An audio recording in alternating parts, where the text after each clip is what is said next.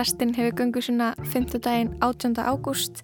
Ég heiti Lóabjörg Björnstóttir og í Lestin í dag Endurist, Beyoncé, 40 ár af The Wire og Kristínar Viska. Platan Renaissance kom út 29. júli síðastlegin og hefur hún fengið góðar viðtökur hjá mögulega óvæntum hópi hlustenda sem voru jáfnvel ekki Beyoncé aðdöðandur fyrir útkomið þessar plötu. Beyoncé er lofuð af tónlistagagrinendum fyrir frábara hástónlist og við ætlum að ræða hversu vel henni tókst til við Natalie Gunnarsdóttur, DJ Yamaha. Eins og ég segi, hún hefði örglega getað valið hvert sem er í heiminum. Hún fer í danstónlistar producenta, hún verður Luke Solomon og Honey Dijon og þau eru bara í svona frekar svona þjættir senu, þú veist, þau eru ekkert í rosa útbreytir senu þannig, þú veist, þetta er klúpasena en þú þarfst svolítið að vita hvað fólk, eða svona hlusta mikið til að vita hvað fólk þetta er. Sölvi Haldarsson pislahöfundur deilir með okkur sögum af samskiptum sínum við nokkrar konur sem eiga það eitt sameinlegt að heita allar Kristín, samskiptum sem hann dró lærdom af. Haustið nálgast og Sölvi er farin að leiða hugan af sultugerð. Hún heit líka Kristín sem er ekkert undarlegt, þær eru um það byrju 3500 talsins Kristínarnar sem hægt er að rekast á á þessu landi álíka margir og búa í Grindavík. Við segjum eitthvað líka frá tónlistartímariti sem er orðið 40 ára en hefur á því tímabili einbeitt sér að ímiskonar framsækinni og tilraunakendri tónlist. Það heitir The Wire, Björk hefur tvísvar príkt fórsýðu þess og Sigurós einusinni. En The Wire hóf göngusuna árið 1982, fyrst sem jazztímaritt en síðar vikuðu efnistökin nema hvað vinsalistu tónlistina á hverjum tíma hefur tímaritið yfirleitt látið vera fyrstu eintök tímaritsins sem var í upphafi gefið út fjórum sinum ári voru undibúin og skrifuð á ítölskum veitingastað í London því að skrifstofurýmið var einfallega ekki til staðar og staðsmenn blaðsins seldu sjálfur eintökin fyrir utan tónleikastaði í borginni. En við byrjum á nýri plötu Beyoncé.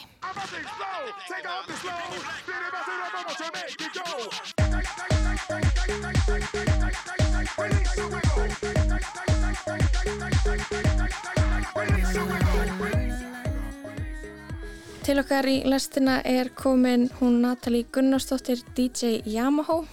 Við ætlum að tala um Beyoncé og endurrausnina, Renaissance plötuna og kannski út frá svolítið svona hástónlist. Natalie, þú ert búin að vera að spila hástónlist fyrir Reykjavíkinga, hvað senstu?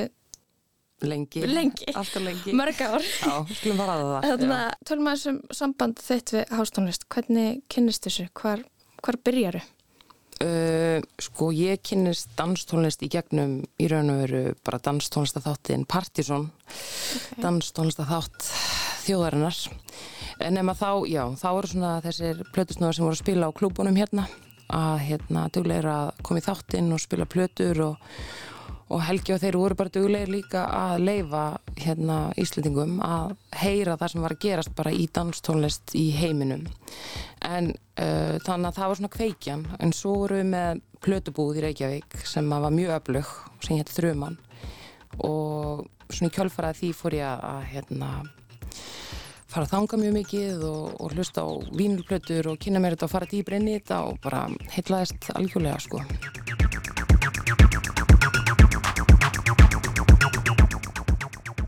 Ég geti líst hástónlist sem að því að sko, ok, við finnum bara alveg lengst tilbaka að þá hérna átti disco undir svona, já, eitthvað sækja það á sínum tíma, það allt í hennu var bara disco ömulagt og hérna fólk vildi bara, þú veist, já helst bara kveiki í stefnunni að það hefði verið hægt og þú veist, rock og eitthvað annað svona aggressívar að koma í staðin en það sem að gerist í kjölfari var að disco fór í, þú veist, disco fór aldrei en það fór í annan búning, þú veist, þessi taktur svo kallar í fjóri fjörðu, hann held áfram nema þeir, uh, það var svona bætt meira í kringumann og úrvarð hástónlist þannig að þú veist, ef þú varst að spila diskotónlist þá er bara, þú veist, þú veist einu lagi frá þá erstu komin í hústónlist. Þannig ég, eitthvað neginn, ég sé að þannig þú veist, það er svona svolítið grunnurinn, svo tókuður þau bara á næsta, næsta skref uh, já, tókuður næsta skref með því að gera hústónlist, en svona diskoði grunnurinn og svo tókuður þetta það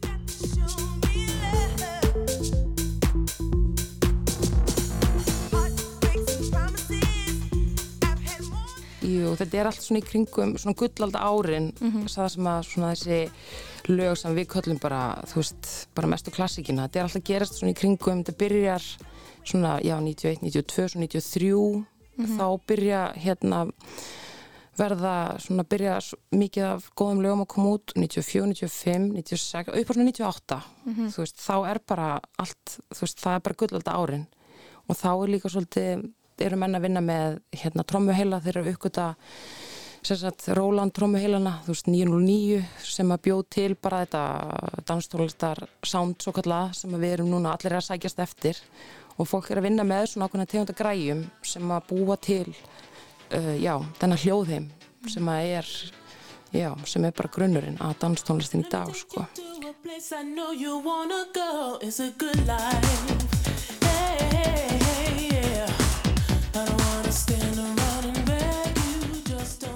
Fyrst er eins og þetta hafi leið smá í dvala eða hvernig hefur þetta verið svona undir fyrir en ár? Fór þetta svona eins úr tísku og er þetta að koma aftur í tísku? Fólk er ekki svona að tala um það, til dæmis í sambandi bara við þessa nýju plötu, Mhm. Beyoncé. Sko ég held að sko, danstónliti per se hefur aldrei farið út tísku af því að það er alltaf ákveðin hópur sem að hlustar en mér finnst eins og hústónlist og uh, hún hefur stækkað, stefnan hefur stækkað þú veist, út frá líka svona svo kallega deep house stefnunni. Að allt í hennu þá veginn var hún svona uh, meira svona móta, eða svona, já, fólk tók henni svona almenningur tók meira hana inn. Þannig að þú veist eins og staðan er í dag þú veist, þú lappar inn í hárkvöldsstofu og það er bara deep house eða skilur, þú lappar inn í skóbúð og það er bara eitthvað lag á fónum, house er einhvern veginn svona svona mýgri útgáfana af danstónlist svona þess hægara tempo og svona melodískara mögulega. Uh, það mjög, var mjög meðtækið einhvern veginn bara af öllum. En svo finnst mér allavega eins og danstónlistin sem er í dag vinsæl, uh, skýrskotun í þú veist, 90s þú veist, og ég meina, það fer allt í ringi, ég meina, tískan er komin í ringi veist, við erum í ykkur 90s væpi núna og það er það bara sama með tónlistina. Veist, og það er allir svolítið að sækja í þetta svona 90s sound úr hástónlistinni sem er mér persónulega er uppáhalds og mér finnst geggjað, þannig að ég fagnar því bara.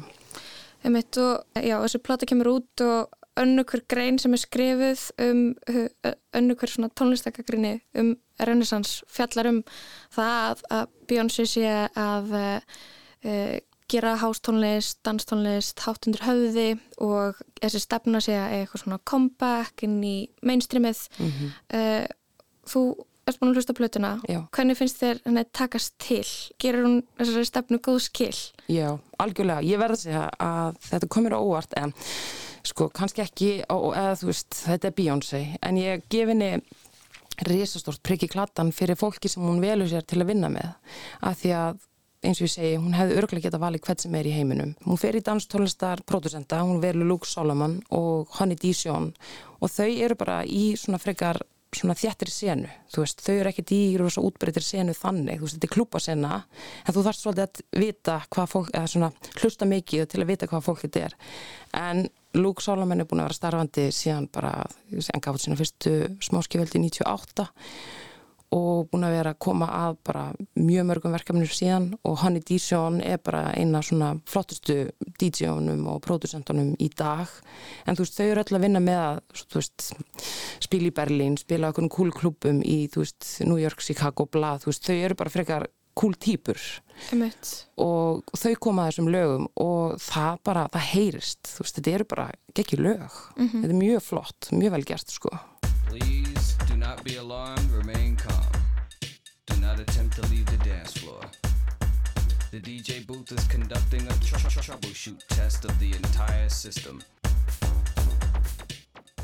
Og þetta lag, Alien Superstar, hvað tekur eftir í, í þessu lagi? sko bara strax uh, upphafsetningarnar þar sem að hérna, það er maður að lesa inn og þá því hérna semst, já, ég hlust á lægi og það er maður að tala og ég alveg býtu, wow, ég kannast við þessa rödd og, og hérna þessar setningar en þá er það sem sagt uh, búið að taka sampl úr lægi sem heitir Moonraker sem að Foremost Poets gerir sem er svona, sem er bara klúpa banger, þú veist, það er undir, eða svona klúpa senan það þekkja hann allir sem hafa stund að klúpa uh, og hlusta danstónlist en það lag kemur út 1998 og ég bara, ef þið er ekki búin að hlusta á þetta í Guðanabænum drífið ykkur, hérna Moonraker og sem svona vitninsburður um að vera að fara inn í eitthvað svona lokaða senu, þú veist, þá er hann partur af Chicago uh, hússenunni en það er ekkert kannski margir sem að þekkja hann út fyrir það, þú veist Þannig að Bjónsi hefur verið að grafa.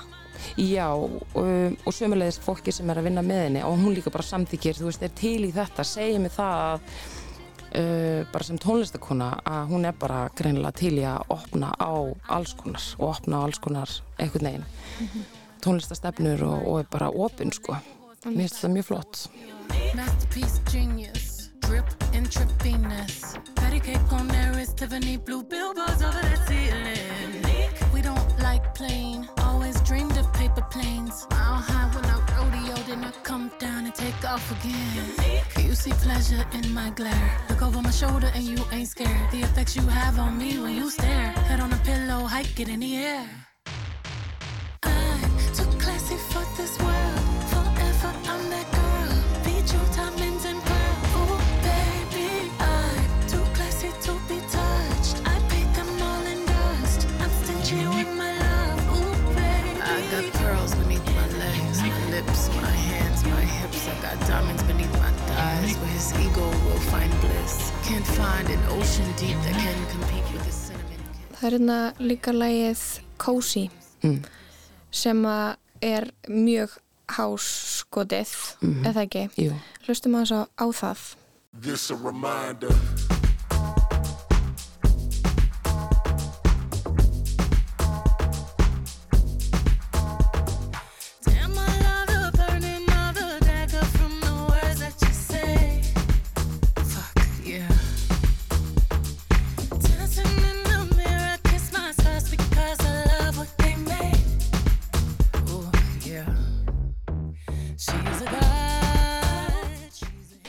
Í þessu lægi er bara frekar svona töff, þú veist, það er bara verið að hérna, þú veist, takturinn þú veist, hann er bara, hérna, þetta er svolítið hrátt, en samt einhvern veginn melodist fyrir hana.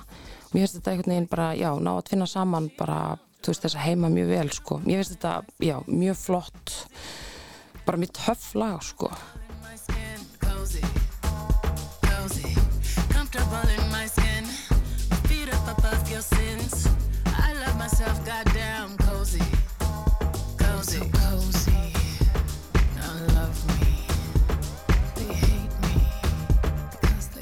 Ég hef ekkert rosalega mikla þekkingu á starfi hústónlistar DJ-a en mér skilst að það er ekki endilega tónlistar sem hún spilar, hann er ekki að finna á Spotify.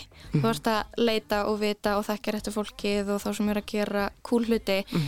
Er Bjónsi að gera tónlist sem að þú sem, verður að DJ á kaffebörnum, myndur þú setja á þetta lag? það er nefnilega heila málið, sko, eins og til dæmis þetta lag, að því ég vinn, eins og ég vinn sem plötusnöður, þá um, ég er ekki að spila lag og lag heldur, hérna er ég að mixa þessu öllu saman og mér finnst galdurinn félast í því að bara búa til stórt flæði, skilur og þetta lag er eitt af því sem að ég get bara mjög auðveldlega sett inn í við mér og það mun bara renna saman við hitt.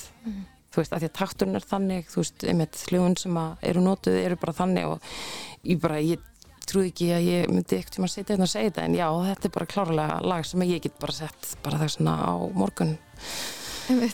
Á gíkinu sem ég er að spila þá sko.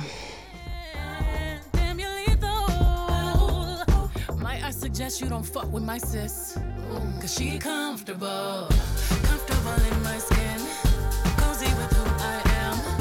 Svo tók ég eftir ég að Grace Jones er á lægi á plötunni fætt 1948 Icon. Icon, uh, sko. þarna ótrúlegt feature til að hafa á popplötu hjá bara einni, bara, hún er bara fræðasta tónlistakona heims. Um, hvað hugsaðu þegar þú rekur augun í það og hvernig finnst þetta lag? mér finnst þetta lag geggja sko og ég hugsaði líka mitt bara já, ok, hún er bara þarna þú veist, þetta er bara já, þú veist að fá Grace Jones til að einhvern veginn þú veist, koma með uh, hérna og syngi yfir og þú veist þetta er bara, já, þetta er bara geggja sko mér finnst þetta fárlega töff lag up, up,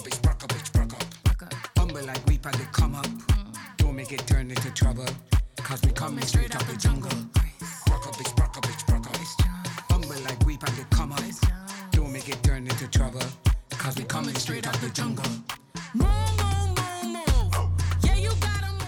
Já, ég veit ekki, ég bara, þú veist, þessi plata kemur alveg frekar mikið óvart, allavega þessi lög sem að tala til mín, af því að, þú veist, finnst samnefnarinn vera bara, já, þetta er bara cool, mér finnst þetta bara vera ótrúlega vel gert og bara flott stöf, sko. En á sama tíma eru önnur lög þarna sem eru augljóslega fyrir bara svona diehard Beyoncé aðdæðandur sem eru bara, hérna, bara velgerð poplög, fattur þau. Þótt að þessi ekki að tala til mín, þá skil ég alveg, ok, þú veist, hún er, hún er líka með, hérna, þú veist, uh, já, lög fyrir þau, þess að svona aðdæðandur sína sem eru bara Beyoncé aðdæðandur, en svo er hún að stækka, hérna, hópin sinn, alveg augljóslega. Og mér finnst það bara geggja, sko. Svo er hún líka eitthvað svo uppfulla af sjálfsöryggi og hún situr greinlega bara mjög vel í sér í dag, hún Beyoncé, bara út frá textunum og einhvern veginn. Þannig að mér finnst það, að því að þú veist það er eitt að vera með töff lag, svo ertu bara með eitthvað texta sem er bara út á túnni.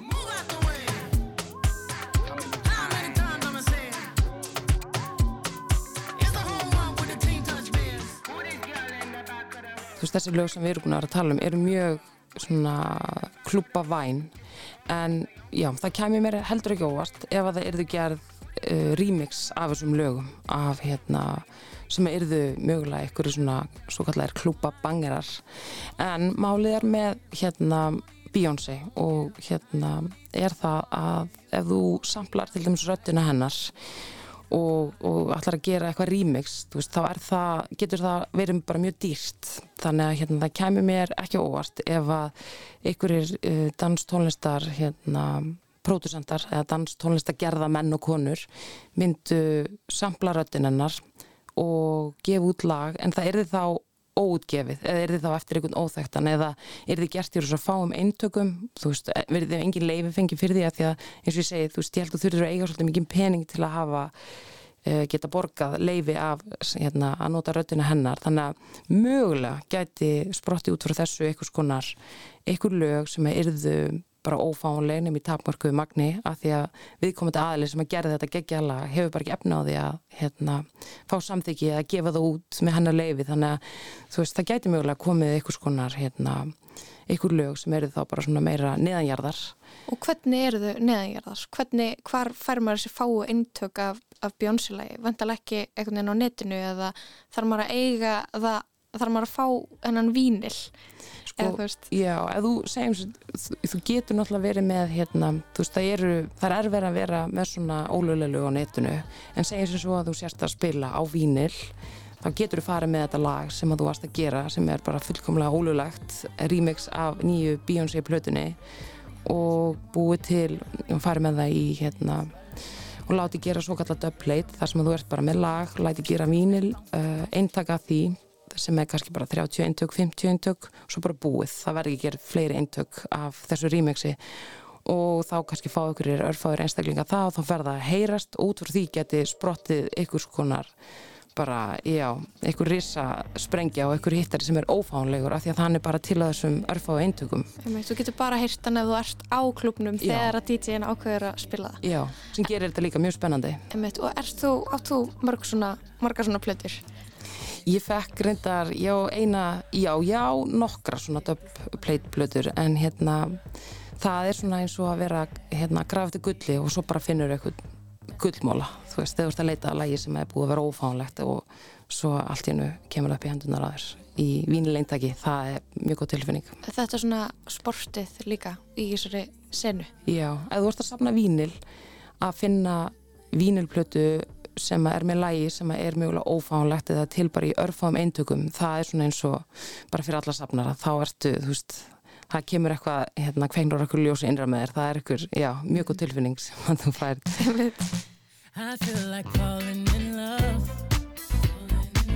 I'm in the mood to fuck something up. Tonight I'm fucking something. I need some drink in my cup. Hey, I'm in the mood to fuck something up. Wanna go missing. I need a prescription. I wanna go higher. Can I sit on top of you? Sko, Beyoncé gerir Lemonade 2016 og þá setur hún í einhvern veginn forgrunn á plötunni bara reynslu sína sem svört kona í bandaríkjónum og bara þá reynslu almennt og svo er þessi tónlistastefna uh, hástónlist kemur úr uh, frá Chicago bendlu við hennan klub Warehouse þar sem kunahópurinn og DJ-nir voru svartir, samkynneir bandaríkjumenn og, og svo Puerto Rico í New York hann er svona einhver rót tónlistarinnar. Og hún ákveður að setja þetta í fórgrunn og, og vinnu með þannig listamönnum. Finnst þér hún vera einhvern veginn að halda áfram með eitthvað sem, einhverja vekkferð sem hún hóf 2016 í gegnum tónlistina, stækka á þetta Mjögulega, þetta er samt svolítið ólíka plötur því að með, hún var Já. eitthvað svolítið svona brotin í Lemonade og eitthvað svolítið brjáluð og, eða svona reyðari og var ekki eitthvað Jay-Z búin að vera halda framhjá, halda framhjá og það var bara öðruvísu orka í plötunni. það var sorg og uppgjör og Já, svona. já, Mhm. á meðan allavega í þess, það sem ég svona, þeir textar sem hafa svona, hérna, ég svona, já, tekið til mín, þar er hún bara einmitt stolt svert kona og bara, þú veist, svona upphefja bara fegurðina sína og, og er uppfölda sjálfströsti en á opaslega jákvæðan hátt Mhm. af því að það er alveg allt í lagi að vera með ego, þú veist, og það er allt í lagi að vera með sjálfströst, en hún verðist vera líka með svona eitthvað svona sjálfskærleika uh, inn í þessari blöndu sko, þannig að það er alveg bara, bara gaman að hlusta á þetta sko og einmitt gaman að heyra hvað hún er bara ána með sjálfa sig á mjög jákvæðan máta Mhm. Þannig að hérna, en já, hún er svona og svona mikil kynþokki. Bara eiginlega drýpur af henni kynþokkin sko. Og hún er meðvituð um það. Og mér er líka bara svo geggjað að heyra konu vera að segja bara já, ég er bara geggjuð og hvað með það, þú veist? Mhm. og einmitt, nákvæmlega, þú ert bara geggjuð þú veist, hún er Beyoncé og ef eitthvað má bara standa þarna og segja það þá er það hún sko. Og mér finnst líka alveg um, það er gott fyrir bara allavega mig og ég veit um marga sem er eitthvað svona að þú veist bara nei, bara afsaki ég sé hér, þú veist að komi bara kona fram og, og bara eitthvað neginn bara með mjög bein í baki og, og, og segi það sem að henni finnst og það er allt bara jákvæðir hluti sko. Ég held að sé bara, ég held að við þurfum alveg að heyra það sko. Það er ekki mikið pepp, lífsgleði og eitthvað svona hamingja Mhm. sem að e, passar inn í þessa tónlistastefnu og svona stemminguna þar. Algjörlega og bara eins og ég segi, orkan er bara þú veist, komin upp á eitthvað hérna herraþrep Mhm. og mér finnst bara æðislegt að heyra það sko On stage rocking out stir crazy. Coco flow like 1980s. Come lit still I drop lazy. None of that maybe. Energy. Energy. Energy. Just five. Voting on 45, don't get out of line. Yeah. Ooh, ooh, ooh, ooh, pick a side. Þetta lag, Energy, hvað er sérstætt við það? sko, þetta er náttúrulega bara já, eitt, já, bara mjög flott lag líka en svo fór ég eitthvað aðeins að skoða þetta betur og þá kemur í ljós að Skrillex er einn af þeim sem að, að gera þetta lag og ég verða við ekki að hérna, þetta er bara örgla eina lagið sem ég er bara að fíla með Skrillex þú veist, er hún þarna farin að sækja í hérna tónlistamann úr dubstep senunni. Og ég meina Skrillex er bara risastórt nafn þar. Mér finnst þetta mjög flott hjá henni að fá hann. En þetta er auðvitað flottasta lag sem ég finnst með Skrillex að ég, hérna, já, að mínu mati sko. Og þetta er núna líka komin til þess að svona dancehall stemningu sko. Mér finnst svona líka að þetta er dansplata en þetta er svona lag sem að þú getur líka sett á klúbnum en þá er það bara fyrir þessa tegunda tólunist en þetta er eitthvað svona sem að ég get alveg ímynda mér að hérna muni hljóma á, á klúbunum sem er að spila dancehall og einhvern veginn svoleið sko. Mhm. Þannig að þú veist, hún er alveg búin að hérna banka mjög fast og er komin með lög sem að verða spilað á klubum við sem erum heiminn í dag sko.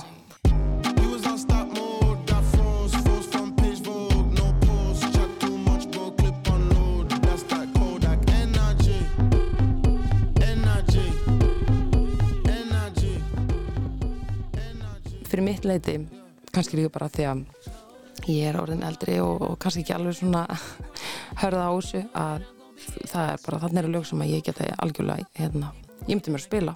DJ Yamaha, takk er kærlega fyrir komuna og yfirferðina á nýju Beyoncé plötinni Renaissance. Þú heldur að næsta lag verði alheims hittari. Það kemur mér ekki óvart. Lagið Pure Honey, við skulum hlusta á það, eitt af þessum mörgu skemmtilegu lögum af þessari nýju plötu. Takk fyrir komuna. Takk fyrir mig.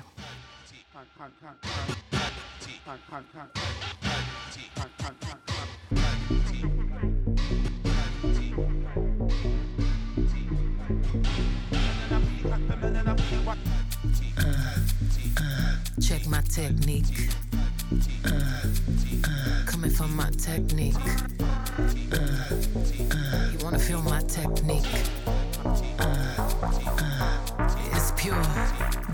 Bitches to the left. Money bitches to the right. You can be both. Meet in the middle, dance all night. Take it all off, or just a little if you like. It's pure. It should cost a billion to look this good. Oh yeah. But she make it look easy cause she got it. Check my technique. You can find the one when the tempo good. Wanna touch my technique? Four, three, fucking busy. That's my technique. Uh, that's my, that's my, that's my technique. Uh, bad bitch. Bisou, right and left cheek. Uh, ideas, my dear. That's my technique. Uh, all my pretty girls to the floor. Get your money, money, cunty, hunty. Don't be funny with my money, honey. Don't my girls look so yummy, yummy? All the boys want my honey from me. It should cost a billion to look that good. But she make it look easy cause she got it. You can find the one when the tempo's good. Four, three, I'm too fucking busy. Check my technique. Uh, I see you, you too, coming from my technique. Uh, bossy bitch, Bisou, right and left cheek. Uh, future, renaissance, study my technique. Uh, all the pretty boys to the floor. Uh, get your money, money, money, money. Don't be funny with my money, honey. Don't my girls look so yummy, yummy?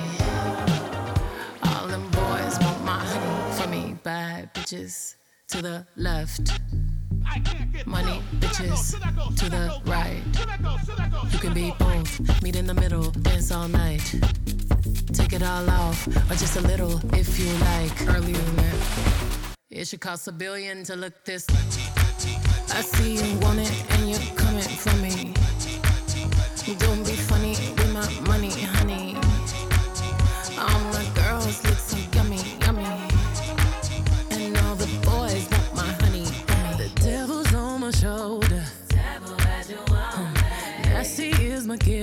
pleasure.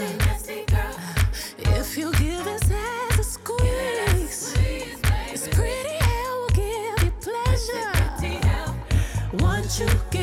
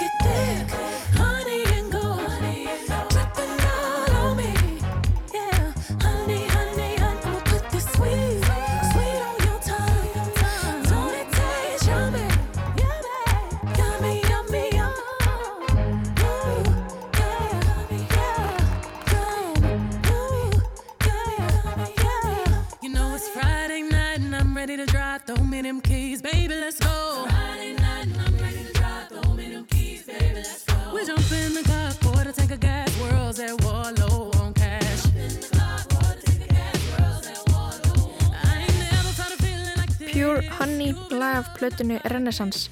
Rættum þarna við hanna Natalie Gunnarsdóttur, einn fremsta plötusnúð Íslendinga um Beyoncé og hástónlist. En við gefum Sölva Haldorsinni næst orðið og hann hefur málsitt á ljóði. Nú er haust, tími hérna rinjandi ávaksta og hérna lungu ferðar á vitt glimskunar.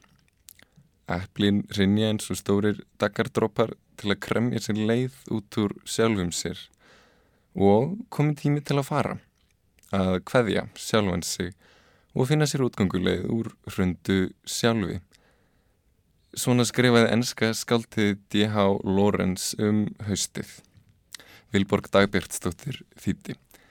Og erindin eru fleiri, þetta var fyrsta en þau eru tíu í ljóðinu sem heitir Skip Dauðans. En eru heldur þung og kannski ekki skinsamlegt að lesa fleiri en eitt í einu þegar ekki einu sinni er uppbrunnin september.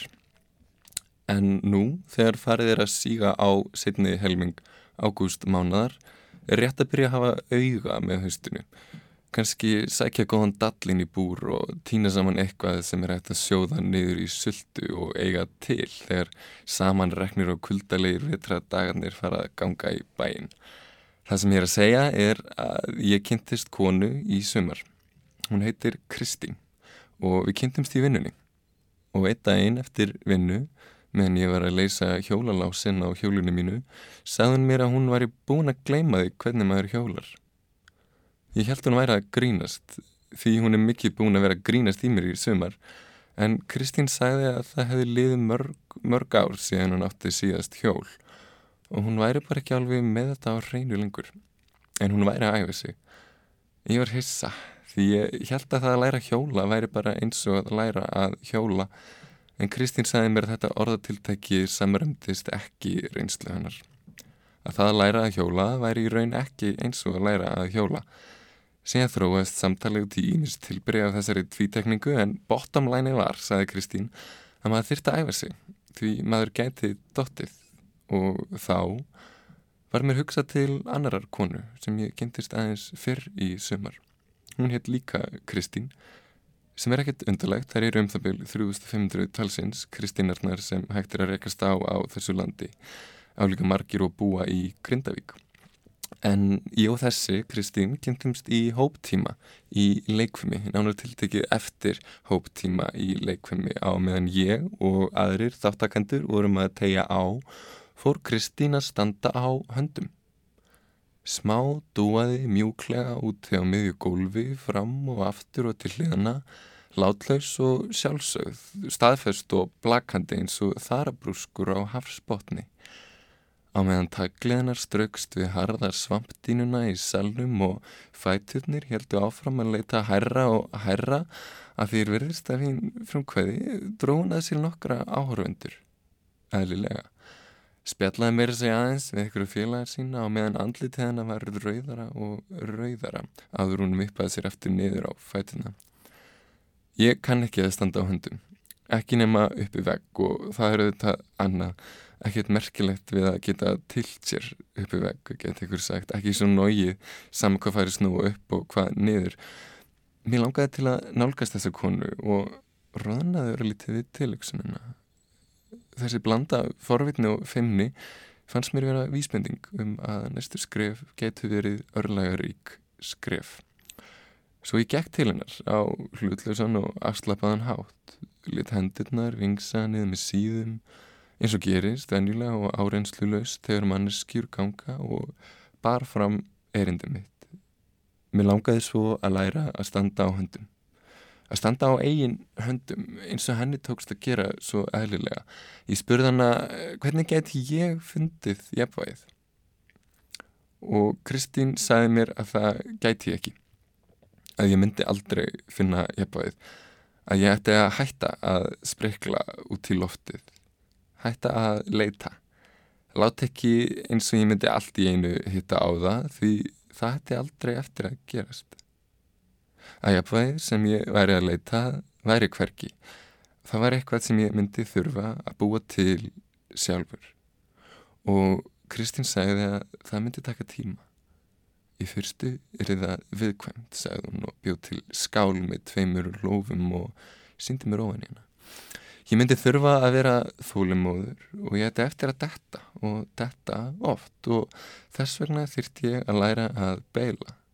Að beila, saði Kristín, er að detta vel og ef ég lærði ekki að beila ætti ég eftir að detta eins og drömbur og það færi mjög illa með latsana. Síðan sagði Kristín en ég séð út með opnar axlir og sterka fettu í olbónum. Þú ert á góðri leið en þú þarft að læra að beila og þú þarft líka að hætta að leita. Nú langar leiða að tala að annari Kristínu því Konur sem heita Kristín og það sem þær hafa að segja eru rauði þráðurinn í þessum pisli. Þessa Kristínu hafði ég þekkt í nokkur ár en það var kannski fyrst núna í sumar sem við urðum vinir. Hún sagði við mig um daginn, sjáðu Sölvi, þar sem við stóðum í bláu eldhúsi við bjartan vesturklukka, það fyrir að rætast úr þessum og bendi átt að glukkakistinni.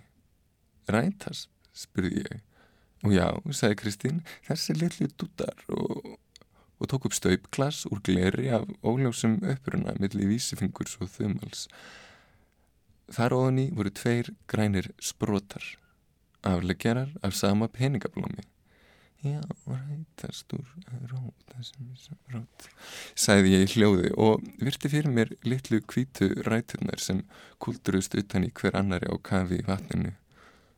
Þegar ég heyra orðið rætast hugsa ég um óskir. Dringhljóð úr sílofón, teknimynda glimmer, fjóra útklenda fingur bláa andans í Aladín, eitthvað sem eru til úr engu og tekur á sig form eins og skot. En það er jú hvorki þannig sem draumar, óskir, nýja afleggjarar rætast. Ef maður vill að rætist úr einhverju þarf fyrst að slíta það burt laggi það í blöyti og leifa því að vera í friði nokkra vikur. Og þegar þú heyrir út undan þér sumum finnst þér að komin tími til að fara, að kveðja sjálfan sig og finna sér útgangulegur hrundu sjálfi, þá er eins gott að fara að huga því að umpota, segir Kristín.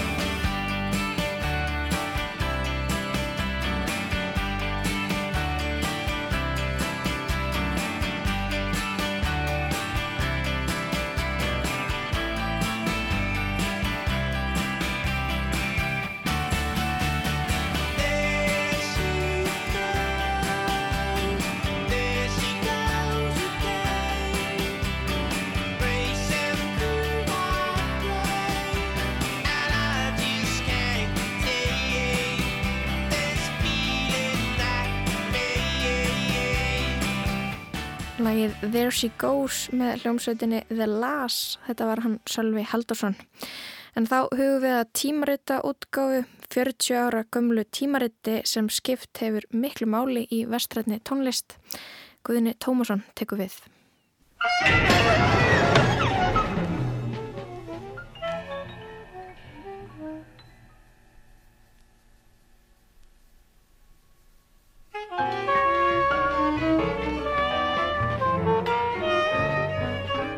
Þessi hressandi tónlist sem reynsar kannski rækilega út úr eirum hjá einhverjum sem á hlustar er tónverk frá árinu 1975 eftir bandaríska sóbransaxofónleikaran Steve Lacy.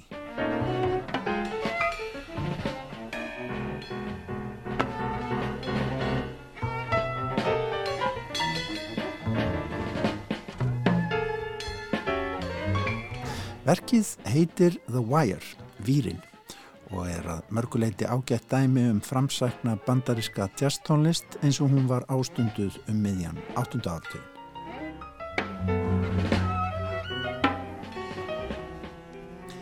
En þetta verk hefur nú í 40 ár eiginlega lánað nafnsitt áhrifaríku tónlistartímariti sem enn er gefið út í Breitlandi og skiptir orðið miklu máli í framsækinni samtíma tónlist ímiskonar.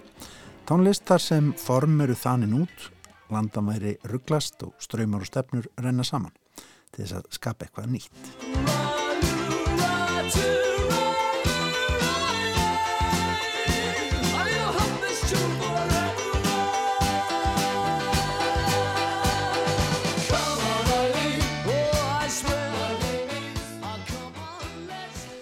Það voru sem sagt ekki allir að róa á sömu mið í breskri tónlist árið 1982 frekar en á nokkrum öðrum tíma svo sem. Ekki allir að reyna að koma að næsta smelli í vitund hlustenda eins og hljómsveitin Dexys Midnight Runners frá Birmingham sem átti þetta vinsalasta lag ársins 1982 í Breitlandi, Come on Eileen. Þá um sumarið hóf göngu sína tónlistartímarit í London sem að hétt og hefur heitið síðan The Wire.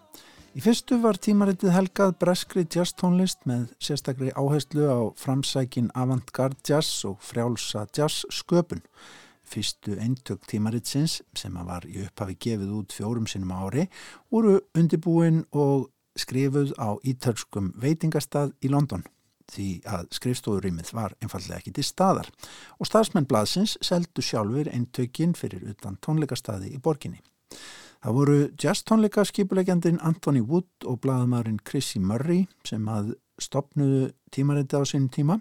Ætlunin var í fyrstu að veita framsæknum og tilrunakendum jazzi nógu mikla rödd til að vel heyrðist í þessari tónlist trátt fyrir hávarar úrtölurattir sem að efuðust um tilgang og erindi þessar tónsköpunar. Úr varð að skýra tímaritið The Wire eftir tónsmíð saxamónleikaran Steve Lacey sem við heyrðum hér áðan sem að bladamöðunir hrifust af vegna tónlistarlegar fjær og framsýni hans. Hugmyndin var að aðgreina sig hefðbundnu jazztímariti sem að hétt Jazz Journal og var gefið út í Breitlandi og höfða líka til yngri lesenda sem voru svo leitandi í tónlistanislu sinni að þeim hentaði ekki tímaritið Melody Maker lengur. En þá var það algjörlega búið að gefa umfjöllun um jazztónlist upp á bátinn. Melody Maker var auðvitað gríðarlega vinsælt tímaritt sem að ekki vildi snerta á því sem var utan megin strömsins en þessu var algjörlega öfugt farið á reyndstjórnarskrifstofu The Wire það er að segja eftir að skrifstofan kom til sögunar. I see the lines in the palm of its hand I listen hard, but no words spring to mind.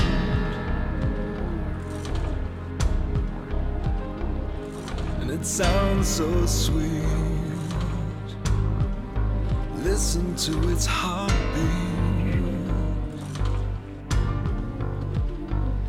And I'm drowning in its sea, falling at its feet. Listen to my heartbeat, baby. The blood cell leaves tonight. Það var síðan á síðari hluta nýjunda áratugarins og þeim tíunda sem að The Wire vikkaði sjóndillarringin mjög og tók sér stöðu sem megin tímaritt þeirra sem vildu kynna sér allskynns tilraunakenda tónsköpun sem átti langt í land meðan á eirum hins breyða almennings.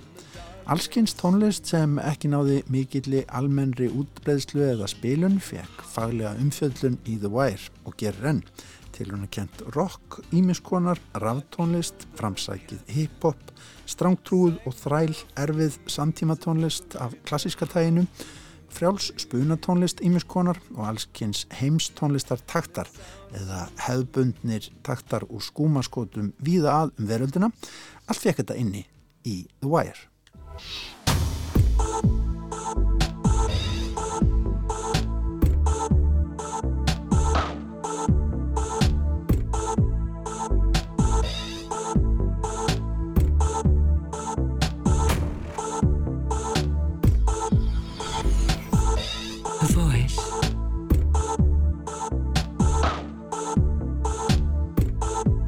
The tree. The boat. The boat. The gate. The flesh.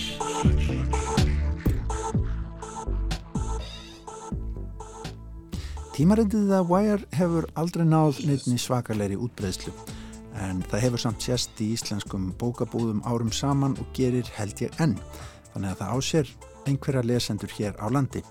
Frá fyrstu útkomu þess árið 1982 það var lesendur í hverju mánuði rokka frá því að vera svona 7-8 þúsund og upp í 20.000 eða svo. Tímaritið hefur alltaf verið mikið tónlistar manna tímarit Skapandi tónlistafólk hefur dreyist að umfjöllum þess, ekki bara tónlistarsafnarar og neytendur.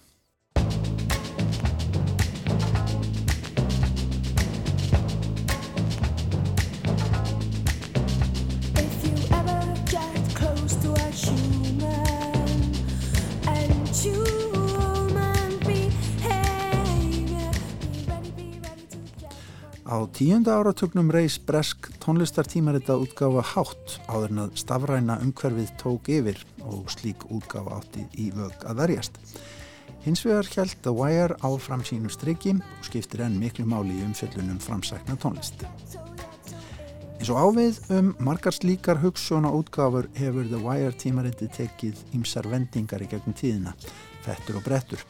Stundum hefur það verið undir eignarhaldi stærri fjölmiðla samsteipa, undir stjórn misvíðsýtna eða þröngsýtna riðstjóra og svo framvegis. Fókusin á framsæknina hefur líka verið misvel skarpur ef svo má segja. Á tímabili voru listamenn eins og Michael Jackson, Prince og Van Morrison á fórsíðunni en svo komið tímabil þar sem aðeins hörðustu aðdáendur þekktu viðkomandi tónlistamann. Vel áttaðir tónlistablaðamenn hafa tjáðsig um það frá og með ágústheftinu 1993 þar sem Björk Guðmundsdóttir prýtti fórsíðuna á The Wire undir yfirskriftinni Music Women Fight Back hafi tímaritið endanlega slitið jazzrætur sínar og tótnin verið settur fyrir framtíðar útgáfu sem ekkert var óviðkomandi nema helst á bara það allra allra vinsælasta á hverjum tíma. Aðrir máttu sjá um það.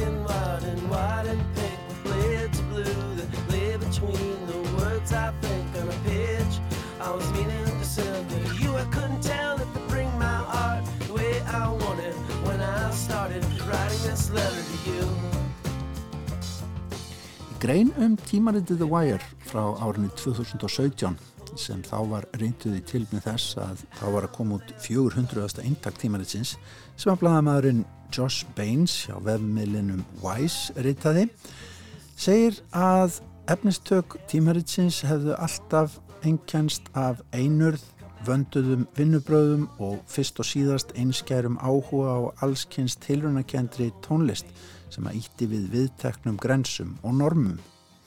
Og algjört líkilatriði í rekstri og rittstjórnastefnu tímaritsins er það rittstjórnarlega og rekstralega frelsi sem það hefur notið á undanförnum 20 árum eða svo.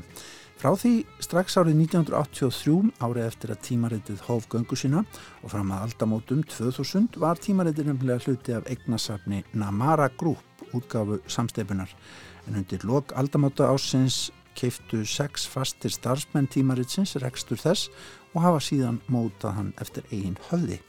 Sústaðarinn hefur bara styrt útgáfuna því að setni hluti æfi tímaritsins hefur mótast af reytstjórnarlegu frelsi sem svo yfirtaka skapaði.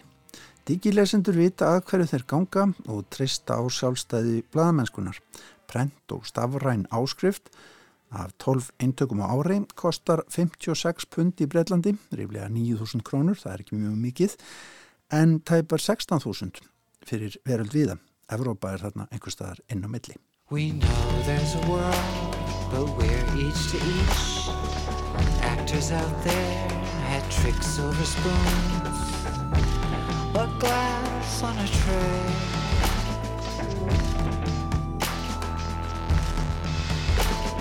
Glamour, fluorescence, we'll forget the steps.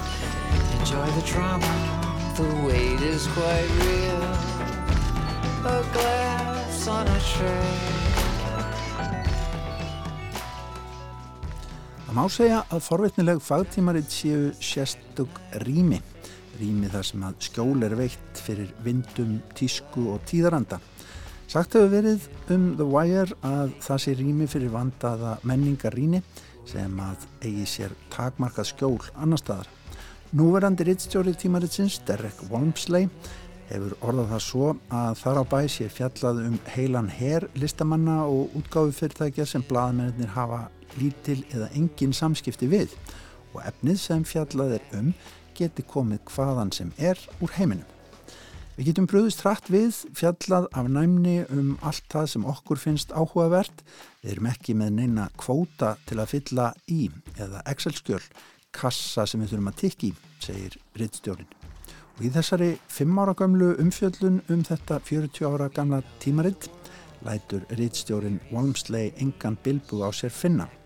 Ég tel í raun, segir hann, að meðal manneskjan sé í dag opnari og víðsýtni fyrir allskynst tónlist en nokkur sinni. Að leggja fleiri en nokkur sinni á djúpið ofan í undirströyma tónlistarinnar. Okkur finnst mikilvægt til dæmis að hugsa um tónlist án þess að byrja alltaf á því að flokkana niður í undirflokka. Við þurfum líka að vera opinn fyrir því óvænta, öllum þeim óvæntu tengingum sem að skapast geta í tónlist neðanjarðar. Við þurfum að vera opinn fyrir öllum þeim sem að stunda tónlist sem hobby því að við vitum engan veginn hvaða næsta snild kemur úr hvaða skúr í gardinum hjá hverjum eða þá hvort hún sprett ekki bara upp úr ræsinu, segir reitstjórin. Já, það er gott að vita að enn 40 árum eftir útgáfu fyrsta tölublas standi bladamenn The Wire enn vaktina í Breitlandi og hafi áhrif víða um heim. now.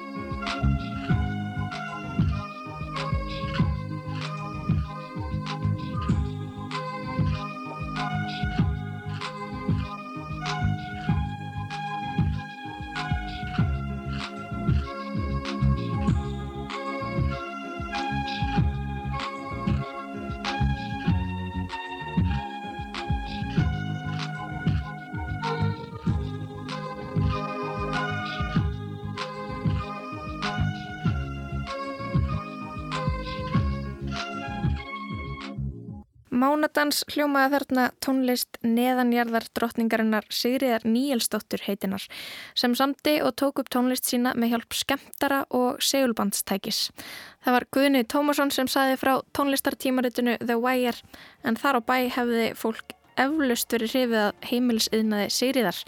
Meðal tónlistafólk sem átti tónlist í einslæginu voru Björk Guðmundsdóttir, David Sivian og Lori Andersson sem öll hafa prýtt forsýður The Wire.